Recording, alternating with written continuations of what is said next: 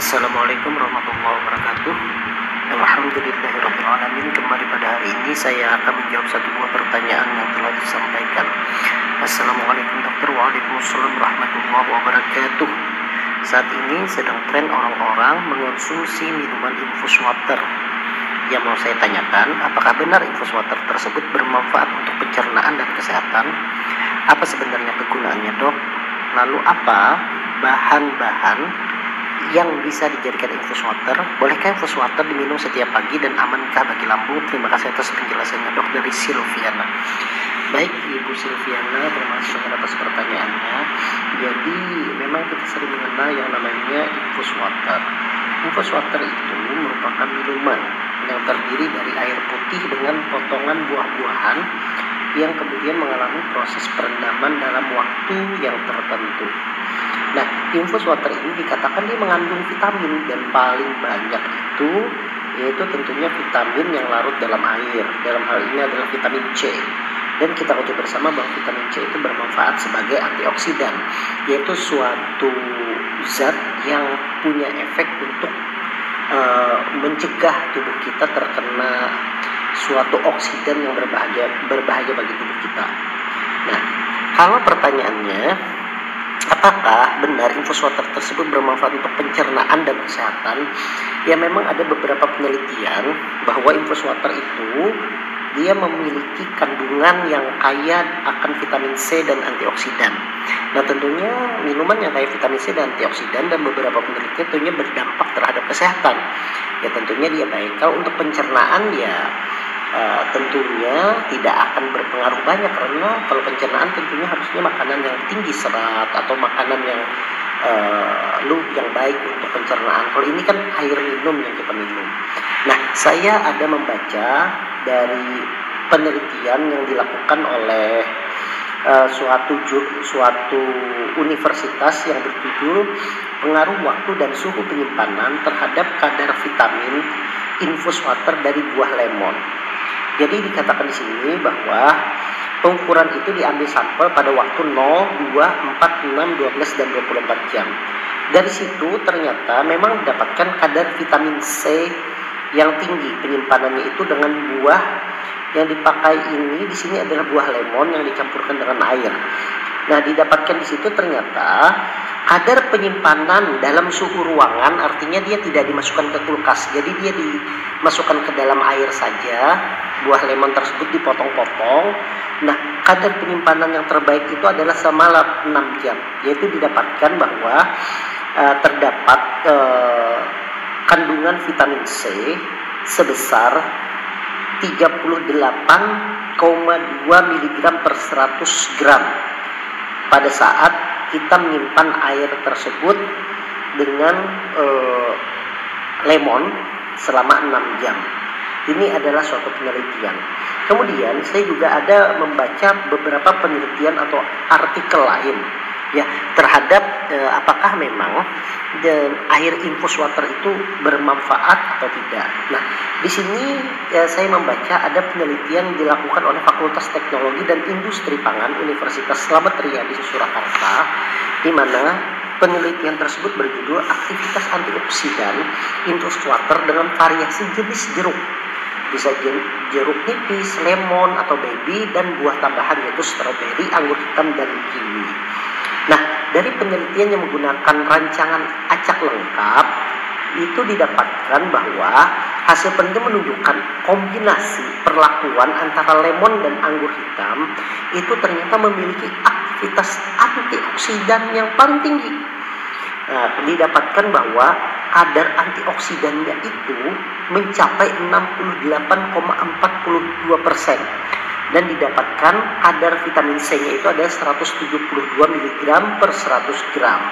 Nah, jadi kalau seandainya apa kombinasi buah yang bagus, ternyata berdasarkan penelitian ini yang paling baik itu adalah e, kombinasi antara buah lemon, jeruk lemon dengan anggur hitam. Nah, pertanyaannya berarti berapa lama kira-kira kita harus merendam air rendaman tersebut agar dijadikan infus water.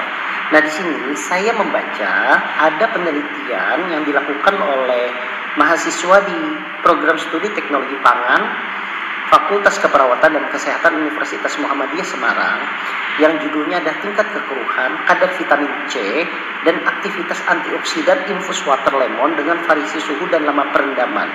Ternyata di situ di, dikatakan dari hasil penelitian bahwa infus water itu menunjukkan tingkat kekeruhan vitamin C dan aktivitas antioksidan pada suhu ruangan itu lebih akan semakin meningkatkan kekeruhan dibandingkan suhu yang di dalam refrigerator atau di dalam kulkas atau lemari es.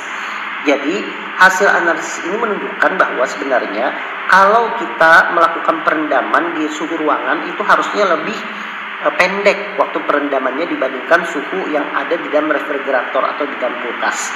Nah penelitian ini mengatakan bahwa perendaman yang terbaik itu di suhu ruangan itu hanya satu jam saja dan langsung dilakukan langsung diminum atau kalau seandainya suhunya itu suhu dingin di refrigerator 4 jam merupakan waktu terbaik untuk mendapatkan kadar vitamin C dan aktivitas antioksidan yang optimum. Nah, kemudian memangnya apakah aman? Sebenarnya secara umum dia aman saja. Cuma tentunya kalau perendamannya itu salah atau terlalu lama, ia akan berbahaya bagi tubuh kita. Kenapa? Dari penelitian yang saya baca, di Fakultas uh, di Prodi Biologi Fakultas MIPI MIPA di Surabaya itu terdapat satu penelitian yang berjudul pengaruh lama penyimpanan infus water lemon dan mentimun terhadap pertumbuhan bakteri. Ternyata dilihat di sini bahwa seiring lamanya penyimpanan itu ternyata terjadi peningkatan jumlah bakteri yang ada di cairan tersebut. Berdasarkan penelitian dilaporkan dapat digambarkan terjadi pertumbuhan bakteri yang dapat terlihat pada infus water lemon yang tidak melalui proses penyimpanan. Tetapi dia akan semakin meningkat seiring dengan penyimpanan yang lama. Pada saat penyimpanan 12 jam itu didapatkan eh, jumlah bakteri itu sangat banyak, tidak sebanyak disimpan pada saat 3 jam dan ketika disimpan 24 sampai 36 jam itu terjadi peningkatan yang eksponen atau yang sangat berlipat-lipat pada jumlah bakteri di cairan tersebut dan disertai dengan kekeruhan pada uh, cairan lemon tersebut. Jadi kalau kita lihat dari sini berarti infus water itu sebenarnya kita tidak perlu lama-lama untuk merendamnya. Bahkan di penelitian itu dikatakan bahwa cukup satu jam saja di suhu ruangan atau misalnya kalau airnya itu dingin itu sampai 4 jam itu sudah cukup diminum dan memberikan kebutuhan vitamin C yang cukup banyak, yang cukup optimum terhadap tubuh kita dan itu tentunya bermanfaat untuk kesehatan kita. Bahan apa saja bisa dijadikan infus water? Sebenarnya banyak bahannya tetapi berdasarkan jurnal-jurnal yang saya baca itu lebih banyak ditonjolkan bahan itu yang kaya vitamin C dan oh, antioksidan. Seperti lemon ya iris, irisan lemon kemudian irisan anggur hitam kemudian irisan dari apa lagi namanya irisan dari jeruk jeruk uh, maksudnya variasi dari lemon. Ya tidak jarang sekali penelitian misalnya ada irisan dari mangga misalnya atau irisan dari semangka itu sangat jarang.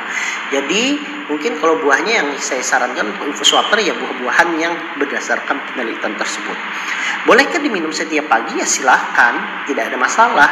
Karena e, kalaupun dia itu misalnya kita ini e, dipakai untuk minuman dia juga berfungsi untuk cairan tubuh kita untuk beraktivitas. Sehingga silahkan saja diminum setiap pagi. Amankah bagi lambung? Ya hati-hati. Tentunya kalau terlalu asam tentunya akan berbahaya bagi lambung akan menyebabkan para penderita mah atau gastritis itu akan nyeri pada ulu hatinya. Sehingga ya meminumnya pun juga harus dilihat-lihat. Jangan sampai uh, kita minum infus water itu pada saat perut kita kosong kita tidak makan pagi. Tetap disarankan harus makan pagi agar lambung kita terlindungi ini dari peningkatan asam lambung yang sangat tinggi. Itu saja mungkin e, Ibu Silviana yang bisa saya jawab.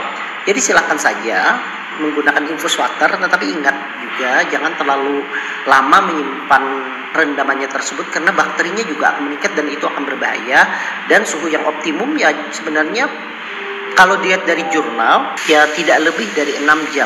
Ada yang mengatakan cukup satu jam ada yang mengatakan 4 jam tapi intinya dari jurnal itu saya baca tidak perlu lebih dari 6 jam. Mungkin itu saja yang bisa saya jelaskan. Semoga itu bermanfaat. Terima kasih atas pertanyaan Ibu Silviana. Semoga kita semua diberikan kesehatan oleh Allah Subhanahu wa taala. Wassalamualaikum warahmatullahi wabarakatuh